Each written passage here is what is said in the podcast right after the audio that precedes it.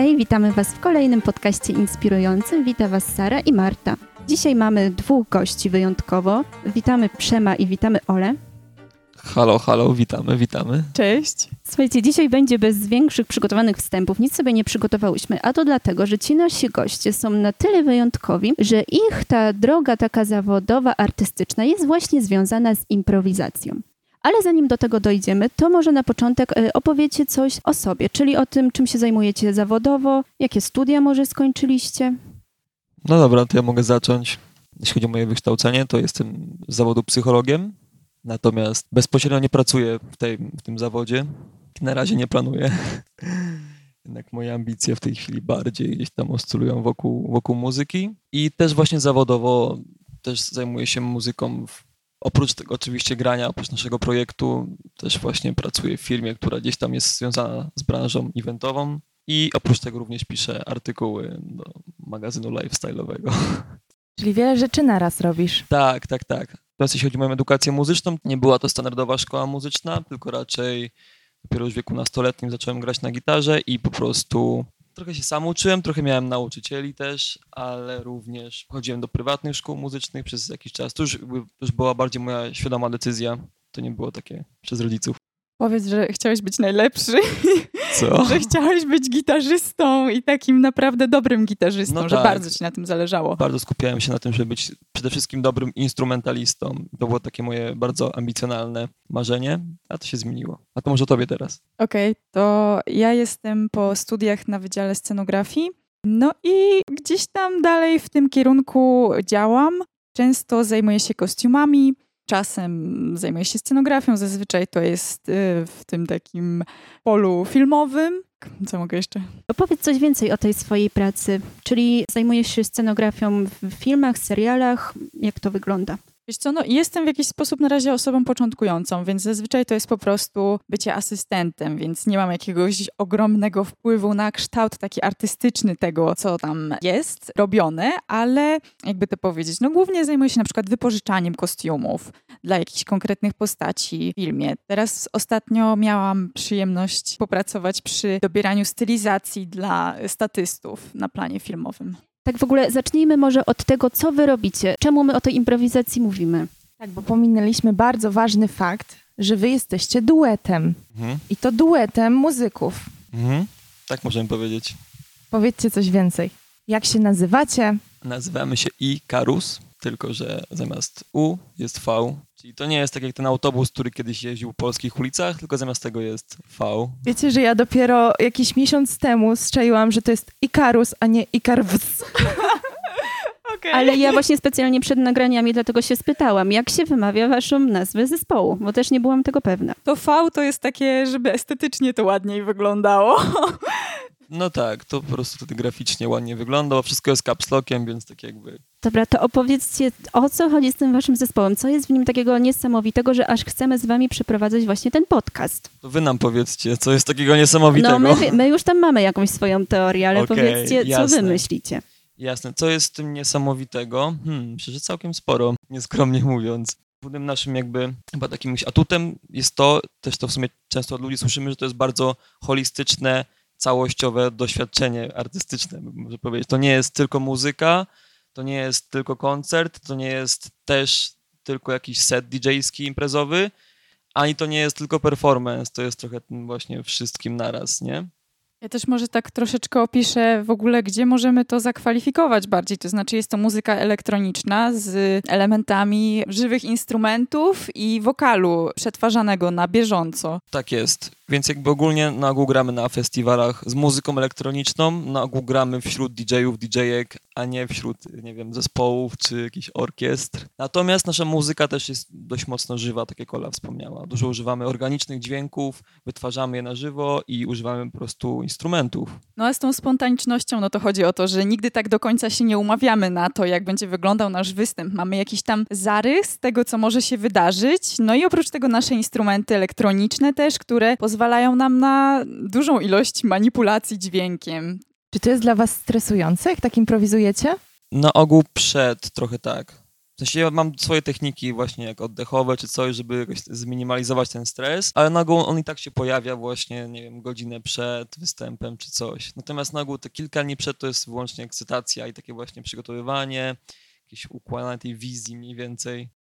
Mm, dla mnie najbardziej stresujące jest chyba to, czy uda nam się jakoś zgrać i czy te wszystkie techniczne aspekty będą działać, tak? Po tak, prostu. bo tam się po prostu, szczerze mówiąc, dużo może nie wyjść. Mamy dużo rzeczy, które po prostu są do siebie, jakby to powiedzieć, są ze sobą pospinane kablami i jakby tak y, technicznie coś się może nie udać po prostu, tak? No tak, szczególnie, że tak jak mówię, właśnie dużo tworzymy na żywo, to nie są tylko jakby wcześniej stworzone dźwięki. No i też po prostu, tak jak mówisz, nieraz, nie wiem, zalupujesz coś, to znaczy zapętlisz i nie wiesz, czy to będzie pasowało, nie wiesz, czy to się dobrze zalupuje tak, jak tego chcesz. No jakby to wszystko się dzieje trochę tak przypadkowo czasem. Powiedzmy trochę jeszcze o tym, że to jest ten całościowy performance, bo ja widzę dużo elementów na przykład takich artystycznych dodanych do waszego występu, na przykład stroje. Zawsze macie jakieś stroje, które są po prostu odstrzelone w kosmos i super w tym wyglądacie. To jedno, co chciałabym, żebyście troszkę nawiązali do tego. A druga sprawa, że ja też pamiętam, że oprócz tego, że gracie, śpiewacie, to jeszcze były performance, gdzie ktoś czytał poezję do tego. Tak, nasz przyjaciel Kamil Włoch czytał swoją poezję i w zasadzie my też improwizowaliśmy do tego, w sensie ja tam śpiewałam jakieś rzeczy, jakieś fragmenty. Połączyliśmy nasze siły. To, co my robimy na ogół, po prostu te nasze narzędzia typowe do grania koncertów wykorzystaliśmy, żeby właśnie dopalić tą poezję. On jakby użył takiego porównania nawet kiedyś Kamil w jakimś innym wywiadzie, że to trochę jakby te jego wiersze dostały jakąś elektrownię atomową, nie? Jakby ten, ta ich moc wyrazu dostała taki właśnie dodatkowy boost. No i to jest jedno z tych pól, o których mówi, że to jest takie całościowe. Natomiast, y, no tak, o kostiumach powiedziałaś, co jeszcze? A, no jeszcze to, o, czym chciałem koniecznie powiedzieć, że to, że często jakby to są bardzo jakby takie interak interaktywne i inkluzywne występy, czyli że my tak jakby angażujemy do tego publiczność po prostu. Czyli pozwalamy im na to, żeby jakby ci ludzie sami coś do, dołożyli, jakieś swoje dźwięki, swoje lupy, swoje Są jakieś chętni właśnie... do tego, czy musicie bardzo zachęcać? Zależy. Czasami jest tak, że na początku trzeba tych ludzi troszeczkę pozachęcać, a później jak już dostaną ten mikrofon, to czasem Poczują bardzo długo to. chcą. Tak, czują to. Nie chcą go oddać. Tak, dokładnie. Też jest tak, że my też nie wiemy, czy to zrobimy. To się ogólnie nie zdarza jakoś super często. Po prostu nieraz nam to przyjdzie, ok, teraz to zróbmy, nie? Jakby tak właśnie też spontanicznie. Też dużą rolę, myślę, odgrywa jakieś takie wspólne odczuwanie z naszą widownią, że czujemy, czy im się podoba muzyka, którą tworzymy i to jest jakieś takie sprzężenie zwrotne. Jeżeli gdzieś tam odbieramy tą radość, entuzjazm, to nam jeszcze lepiej się działa i jeszcze łatwiej się płynie w tym całym flow. E, bo mówiliście właśnie też o tym, że musicie się tam synchronizować na tej scenie, a wy jesteście parą nie tylko na scenie, ale też w życiu, prawda? I jak to było? Czy to było tak, że jak się poznaliście, to dopiero wspólnie zaczęliście tworzyć, czy może to... Czy to tworzenie zainicjowało wasz związek?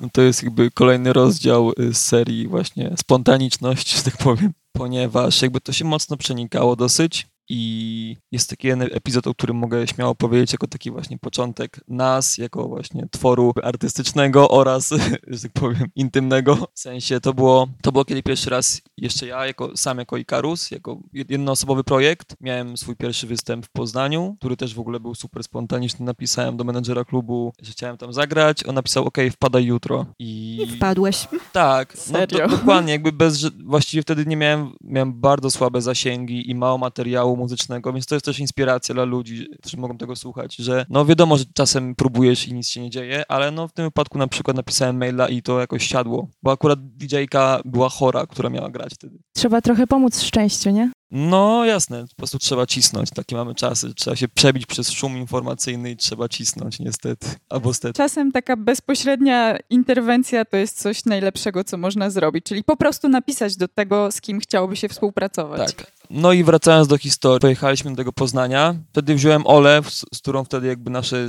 nasz związek dopiero gdzieś tam się kiełkował. I jeszcze chyba nie był nawet do końca sformalizowany, że tak powiem. I po prostu jakby wziąłem Olę jako, nie wiem, moją tutaj y, kompankę tej podróży, nie? Na ten koncert. No tak. A Ola ochoczo się zgodziła.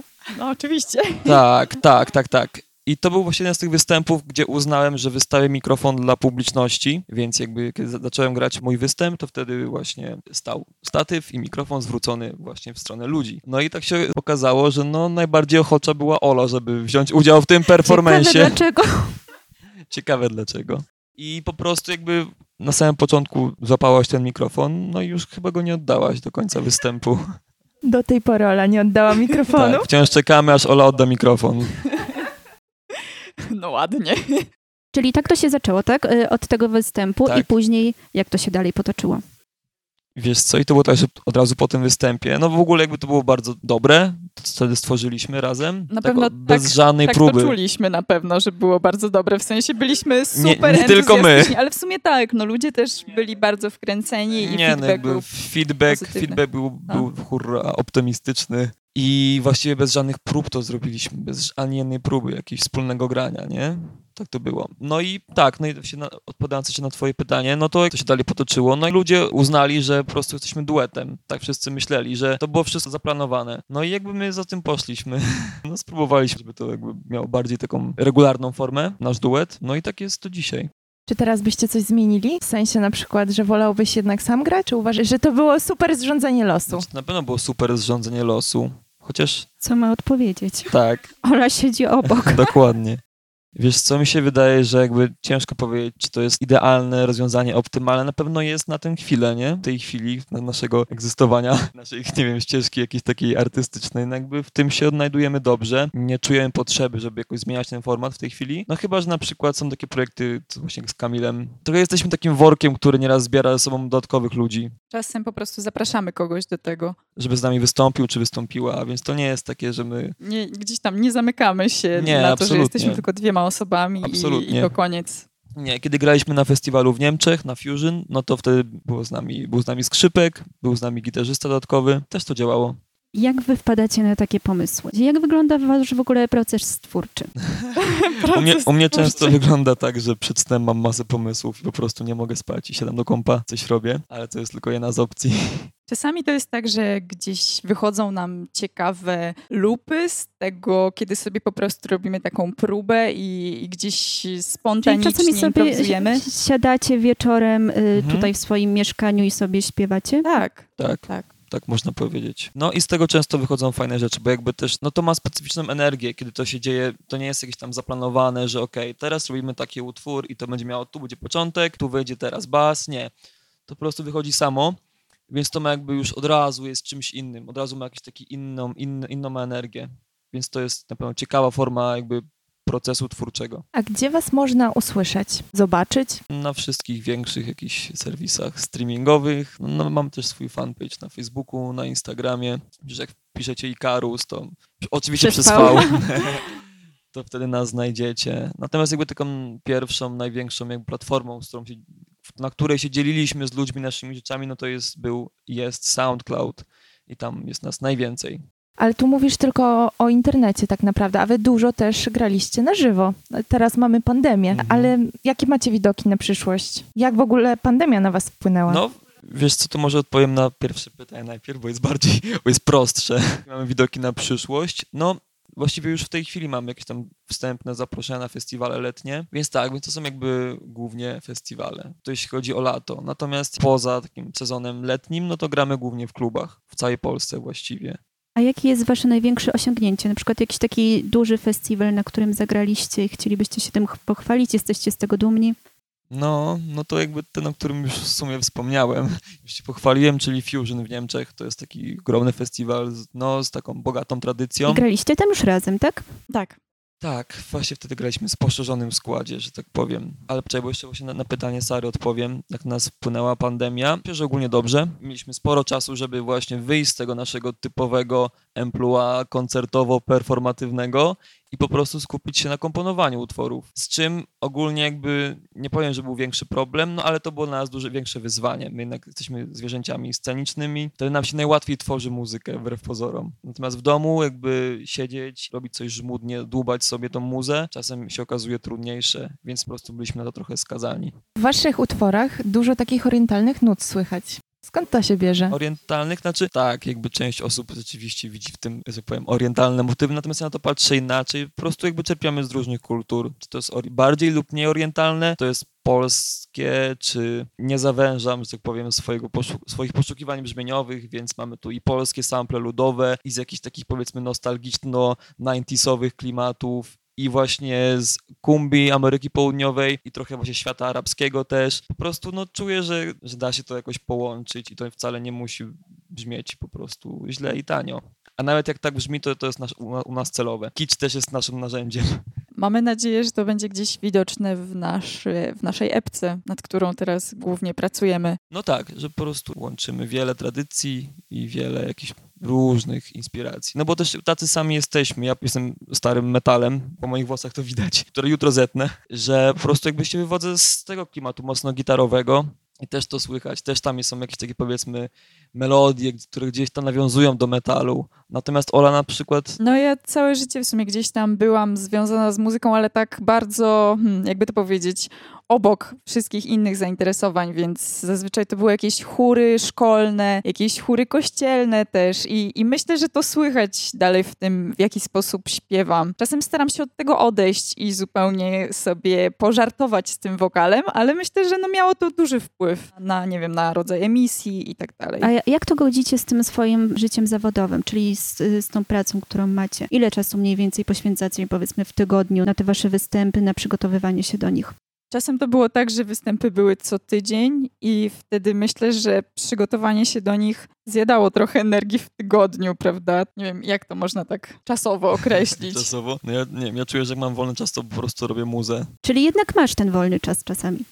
Nie, no jasne, jasne. No my trochę jesteśmy takimi freelancerami, można powiedzieć, nie? Tak, tak, myślę, że tak Więc też te na, nas nasze prace, pracki, różne projekty to nie jest takie bardzo stałe. Często to jest tak, że po prostu przez jakiś czas, przynajmniej ja na przykład, jestem wyjęta z tego życia codziennego, a później już mam po prostu czas wolny, tak? Więc A jak wyglądają kwestie finansowe, czyli czy można po prostu na tym zarobić? No na koncertach na pewno i też jakby słyszę to, dzisiaj czytałem się artykuł o tym, jak nas wyzyskują serwisy streamingowe. Mówię nas jako artystów i artystki i nawet jak masz, nie wiem, sporo tych odtworzeń, no to w tych czasach ciężko zarobić na swojej muzyce wyda- wydanej gdzieś tam właśnie w internecie. Natomiast koncerty same w sobie to jest jakaś możliwość zarobku na pewno. Więc jeśli masz dużo koncertów, to tak, no to mi się wydaje, że to jest chyba u nas i u wielu osób główny zarobek. Zobaczymy, co się stanie, jak wydamy muzykę, jak będziemy więcej wydawać. Natomiast jakby w tej chwili, też tego, co słyszę w branży, po prostu jednak koncerty są czymś, co najbardziej przynosi korzyści finansowe. No i też do doświadczenia różne podróże i wiele, wiele więcej rzeczy. Właśnie, o tych podróżach może coś opowiedzcie, bo ja też mam cały czas wrażenie, że właśnie w waszych kawałkach są jakieś tam takie wspomnienia z jakichś wakacji, podróży, coś można takiego wyczuć w nich. A to ciekawe. No, myślę, że z jednej konkretnej Do tego podróży dążymy. można wyczuć całkiem sporo. Nie no, jakby z różnych, myślę. Tak, ale teraz, teraz myślę, podróży że jednej, tak, z podróży wewnętrznych. No więc część czasu lockdownu, tak powiedzmy. No ca- cały spę- pierwszą, cały pierwszą pierwszy- falę. Całą pierwszą falę spędziliśmy w Tajlandii. Mieliśmy Mhm. takiego farta. Ale chcieliście spędzić tyle tam czasu, czy po prostu zostaliście zatrzymani? No tak, zostaliśmy zatrzymani. I jak wykorzystaliście ten czas? No, tak jak mówiliśmy, żeby po prostu komponować muzę, trochę zająć się sobą, swoją taką higieną psychiczną, czyli właśnie yoga, medytacja, plus Czyli nie zestresowało muzyka. was to, że nie mogliście wrócić do Polski? Wręcz przeciwnie, bardziej to stresowało ludzi, którzy byli właśnie w Polsce i chcieli, żebyśmy, usilnie próbowali, żebyśmy wrócili, nas do tego przekonywali, natomiast my twardo staliśmy przy swoim i myślę, że to była dobra decyzja. Czyli ile czasu tam spędziliście dokładnie? Pół roku dokładnie, więc od stycznia do, do lipca. I to był, myślę, że twórczy czas. Myślę, że był bardzo twórczy. Tak. No wiem, że po prostu też zdaję sobie sprawę, że mieliśmy ten przywilej i tą jakby to szczęście, że, że akurat byliśmy tam na wyspie, i, a nie tutaj, bo tutaj mogłoby być ciężko niestety, co w sumie odczuwamy też teraz. Czy te prace, które macie dodatkowe, oprócz Ikarusa, czy pracujecie w nich dlatego, że musicie, że ze względów finansowych na przykład, czy dlatego, że chcecie?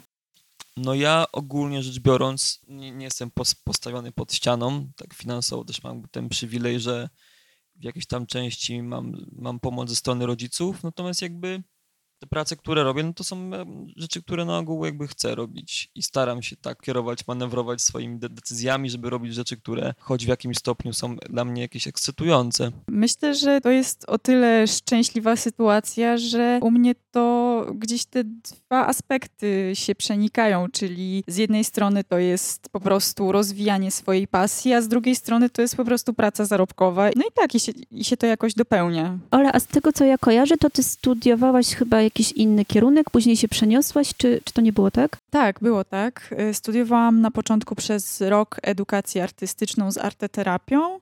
Dobrze wspominam te studia i myślę, że z chęcią bym robiła dwa kierunki, ale niestety nie było takiej możliwości. Bardzo dobrze wspominam też ludzi, których tam poznałam. Na początku się nie dostałaś, tak? Na ten pierwszy kierunek, więc tak. poszłaś na ten, o którym przed chwilą wspomniałaś. Tak, Ale tak. mimo wszystko z uporem przez kolejny rok się przygotowywałaś do egzaminów. Tak, tak. Czułam, że jednak, no to było gdzieś takie moje marzenie od czasów gimnazjum, żeby pójść na scenografię, żeby zostać scenografem, więc no nie chciałam tego odpuścić. To było bardzo ważne. I myślę, że też to, że poszłam na studia, które były artystyczne, było po prostu dobrym krokiem, bo też mnie przygotowało, też mnie rozwinęło w wielu dziedzinach, w których być może sama bez jakiegoś tam prowadzenia, powiedzmy, nie wiem, mentorów, byłoby byłoby mi ciężko po prostu, tak, samej dojść do tego, będąc na początku jakiejś artystycznej drogi. A czy w życiu artystycznym macie wsparcie osób bliskich? Czy to jest tak, że sami mimo wszystko dążycie do celu, czy jednak ktoś was wspiera w tym? Ja z mojej strony mogę powiedzieć, że tak, że na pewno osoby bliskie, czy też rodzice, czy przyjaciele są w ogóle istotną częścią tego wszystkiego. Mi się wydaje, że bez tego środowiska w ogóle ciężko cokolwiek samemu czy samej jest działać tak naprawdę. Tu mówię bardziej o jakichś takich właśnie środowiskach artystycznych wokół ciebie, tych wszystkich grupach wsparcia, osobach, które gdzieś tam, no z którymi możesz pogadać, z którymi się możesz zainspirować. To jest jakby w ogóle kluczowe, bez tego to, to ciężko. To jest super ważne, to jest super ważne, tak. żeby mieć środowisko, które ma podobne zainteresowania do twoich, mieć wokół siebie ludzi, z którymi będzie się chodzić na podobne wydarzenia, z którymi będzie się rozmawiać o rzeczach, które cię interesują i te osoby, to jest super ważne. Tak, natomiast ja też jakby mogę powiedzieć, też zrobić ukłon w stronę moich rodziców, że oni zawsze to wspierali, moje artystyczne zainteresowania muzyczne, czy tam właśnie gitarę mi kiedyś tam sprawili, czy no tak, zawsze mi pomagali. A właśnie co do rodziny, to czy wy pochodzicie z jakichś takich artystycznych rodzin, czyli że w waszej rodzinie zawsze była ta muzyka gdzieś, gdzieś się pojawiała, czy po prostu to jest tylko wasze?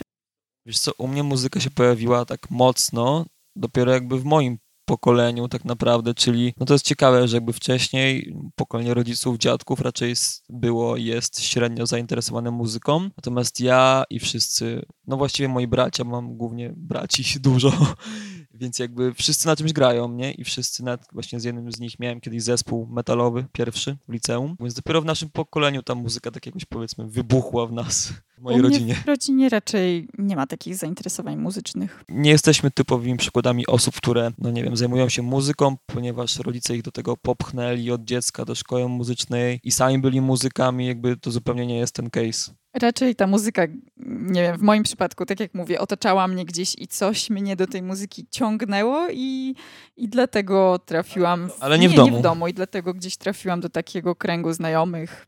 A czy czujecie się spełnieni w życiu zawodowym? Zawodowy masz na myśli teraz artystyczne, czy, czy poza, czy jakby jakoś tak razem to ujmując? Artystyczne, ale też nie tylko, bo robicie wiele rzeczy w życiu. Znaczy, no ja czuję, że jestem w procesie, w jakiejś długiej drodze. Na pewno nie czuję się spełniony ani artystycznie, ani zawodowo. Wręcz przeciwnie, jakby czuję się e, niespełniony. Ale to jest pozytywne ogólnie. To nie jest takie niespełnienie, które mi jakoś, nie wiem, jest dla mnie ciężarem. To chyba tylko... też napędza do działania. No tak, mi się wydaje, że no w tym wieku chyba ciężko jest być spełnionym. Nie wiem, ja bym nie jestem spełniony. Też mi się tak wydaje, że... I całe szczęście, że nie jestem Że to spełniony. nie jest jeszcze ten czas, żeby powiedzieć sobie, okej, okay, tu już jestem spełniona na tym polu. Na pewno nie. Ja czuję, że to jest totalnie początek. Ale tak. czujecie, że droga, którą idziecie jest dobra. Tak. To jest dobry tak, kierunek, tak? tak?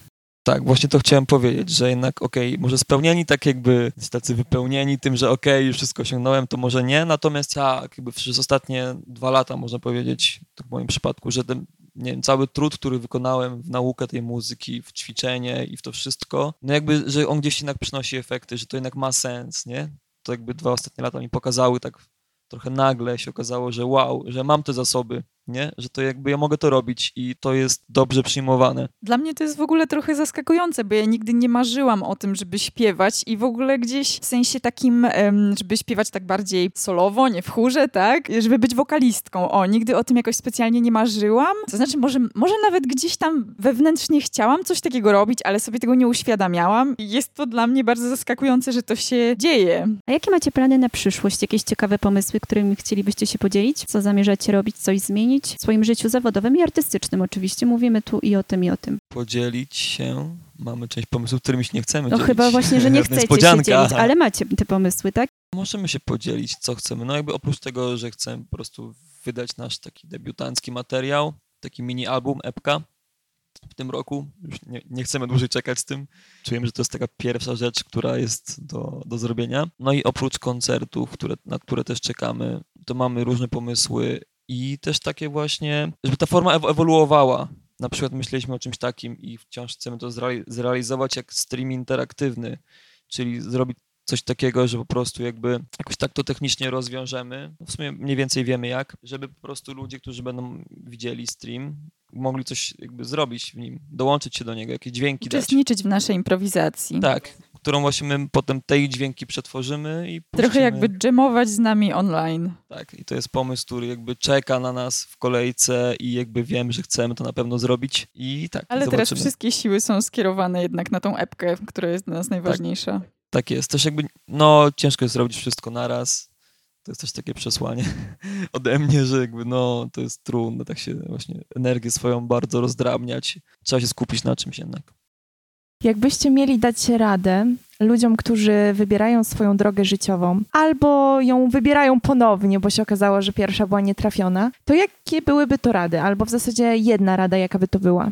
To ja chyba powiedziałabym o tym, żeby po prostu iść za tym, co nas interesuje, co nas pociąga, nie myśląc bardzo o tym, czy to może być moją pracą, czy nie może być moją pracą, bo być może po prostu okaże się, że idąc tą drogą spotkam ludzi, którzy pokażą mi, że czegoś nawet nie wiedziałam, że czegoś nawet sobie nie wyobrażałam, że można robić rzeczy w jakiś sposób, który nie przyszedł mi do głowy i jeżeli to będzie moja pasja, to bardzo często jednak wychodzi tak, że pasja może być czyjąś pracą po prostu, tak? Przemek, a ty masz jakąś radę dla ludzi, którzy szukają swojej drogi życiowej? Nie wiem, czy radę, bo jakby no, każda historia jest trochę indywidualna, natomiast mi się wydaje, że jakby to, co mogę powtórzyć znowu, to jest to, co mówiłem właśnie wcześniej, czyli, że no, trzeba po prostu cisnąć, trzeba próbować, trzeba myśleć o tym, jak możemy jeszcze pokazać się z tym, co robimy, jak możemy dotrzeć do, do ludzi, którzy chcemy, żeby byli naszymi odbiorcami, albo do ludzi, z którymi chcemy współpracować. W moim przypadku czuję, że lęk to jest coś, z czym na pewno trzeba walczyć i może nie ma co walczyć, po prostu zaakceptować, że, że, że lęk się pojawia i jakieś takie wątpliwości, że jakiś wstyd może,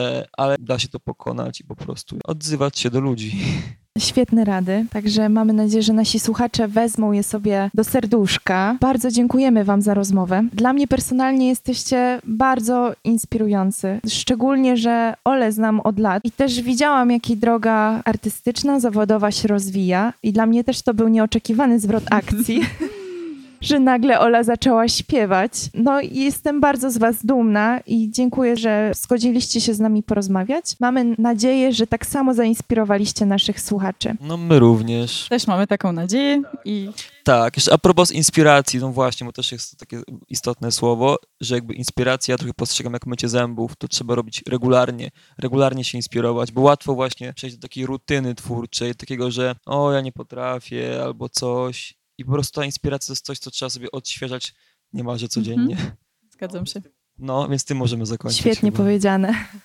Ja jeszcze zaproszę naszych słuchaczy na Wasze media społecznościowe i Karus przez V. Zaproszę też na nasze media społecznościowe Fundacja Inspirująca. A dzisiaj Wam dziękuję. Do usłyszenia. Dziękujemy. Cześć.